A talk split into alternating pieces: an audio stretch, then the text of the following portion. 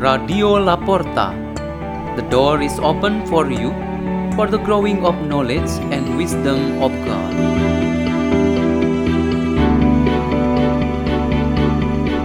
Delivered by Victor Havel from St. John Bosco Church, Archdiocese of Jakarta, Indonesia.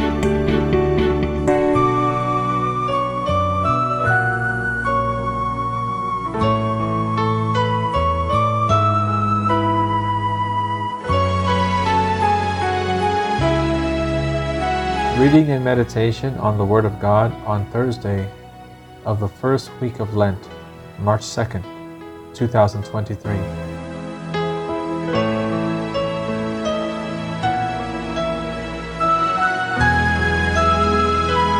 reading is taken from the book of Esther. Queen Esther, seized with mortal anguish, had recourse to the Lord. She lay prostrate upon the ground together with her handmaids, from morning until evening, and said, God of Abraham, God of Isaac, and God of Jacob, blessed are you. Help me, who am alone and have no help but you, for I am taking my life in my hand. As a child, I used to hear from the books of my forefathers that you, O Lord, always free those who are pleasing to you. Now help me, who am alone and have no one but you, O Lord my God. And now, come to help me, an orphan. Put in my mouth persuasive words in the presence of the lion, and turn his heart to hatred for our enemy, so that he and those who are in league with him may perish. Save us from the hand of our enemies. Turn our mourning into gladness, and our sorrows into wholeness the word of the Lord.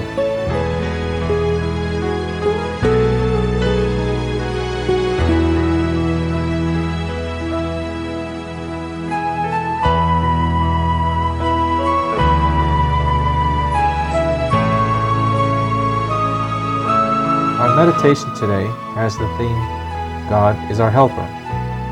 Mrs. Marta, a widow, has been working for more than 20 years as a sacristan in a local parish church. Her monthly salary is far less than the lowest salary of a, for a civil servant. Meanwhile, she has the eldest son who is in college and his younger brother who is still in high school. One time, her son, who is a university student, badly needed money for an important academic activity. However, his mother did not have all that he needed for this activity. She worked as usual and continued to pray in the church, while welcoming the various people who came to pray in the church. There was a guest from outside the area who, after praying, gave her an envelope filled with money.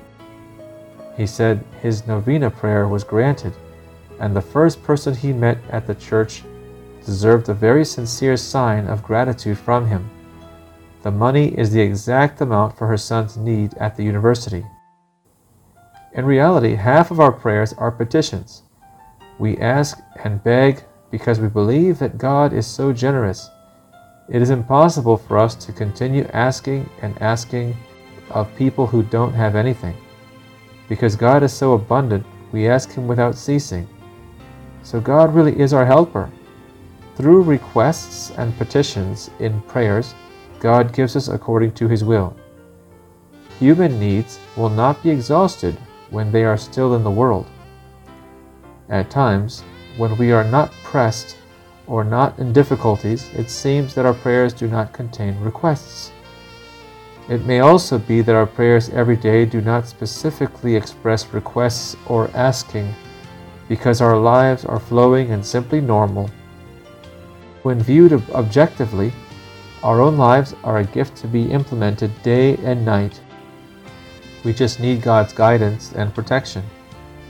We certainly express gratitude for this gift, but actually, in the prayer of thanksgiving, implied a request that our lives be kept away from all evil influences and enemies' threats. We hope that our faith and hope for God's providence will remain strong. Esther in the Old Testament tells how the danger of death was threatening her life. Queen Esther firmly believed that only God's help would she rely on. Although she felt so lonely and there was no one at her side, she truly believed that God was her true and main helper. God cannot bear to refuse his children asking for help in strong faith and hope, especially in the difficulties and sufferings of life. Our only hope is the Almighty God. Let's pray. In the name of the Father, the Son, and the Holy Spirit. Almighty God, may your power be with us in the moments of difficulty and trials in our lives. Hail Mary, full of grace, the Lord is with thee. Blessed art thou amongst women, and blessed is the fruit of thy womb, Jesus. Holy Mary, Mother of God, pray for us sinners, now and at the hour of our death. Amen. In the name of the Father, the Son, and the Holy Spirit. Amen. Radio La Porta. The door is open for you.